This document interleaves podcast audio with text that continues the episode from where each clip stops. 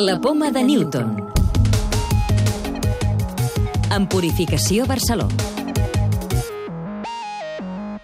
Des de fa relativament poc temps, des del 2011, quatre centres sanitaris de Catalunya utilitzen per operacions complexes un robot quirúrgic d'alta precisió, el Da Vinci.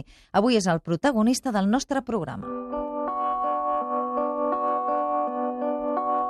El Da Vinci està format per una consola d'alta precisió des d'on el cirurgià dirigeix els moviments del robot, una torre de visió en 3D i un carro amb braços articulats que són els que actuen sobre el pacient. El robot facilita una cirurgia mínimament invasiva, amb pocs riscos i amb grans avantatges, com explica el doctor Miguel Ángel López Costea, cap d'urologia de l'Hospital Quirón de Barcelona. Avantatges eh, molt importants eh, pel pacient, especialment en determinades cirurgies oncològiques, i suposa també una millora de molts aspectes o aspectes crítics, diríem, relacionats amb la cirurgia oncològica i funcional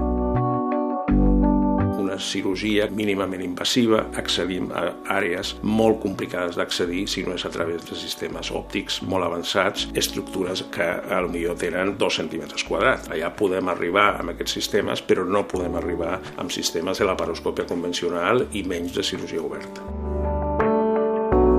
preferentment s'està aplicant en cirurgia oncològica que tingui algunes repercussions funcionals sobre el pacient. El cas paradigmàtic aquí és el carcinoma de pròstata. El robot no es pot programar, no actua sol, que en el moment en què el cirurgià es retira de la visió 3D hi ha un sistema de seguretat que bloqueja completament el robot. Si alguna cosa fa bé serà perquè l'home el farà bé i si alguna cosa es fa malament serà perquè també el factor humà actuarà en aquest cas negativament.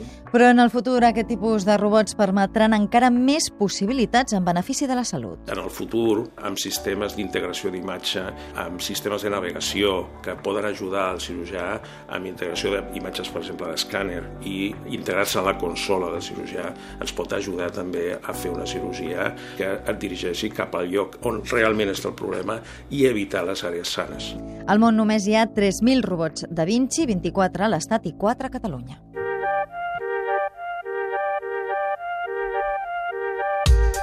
També ens fem ressò del fet que investigadors catalans han descobert una variant comuna del genoma humà que protegeix de l'asma i l'obesitat. És la primera vegada que es troba una prova de la relació genètica entre les dues patologies. La variant descoberta explica la protecció d'un 40% del risc de patir les dues malalties. Científics dels Estats Units localitzen la roca més antiga de la Terra. Es tracta d'una petita pedra trobada a Austràlia que s'ha datat en més de 4.400 milions d'anys. Un grup de recerca del CSIC que aconsegueix produir taronges més riques en antioxidants. La tècnica que han desenvolupat avança el procés de floració i això permet obtenir taronges en 4 mesos, menys de la meitat del temps habitual. Aquestes taronges tenen un 20% més de B-carotè que les tradicionals. La clau de volta.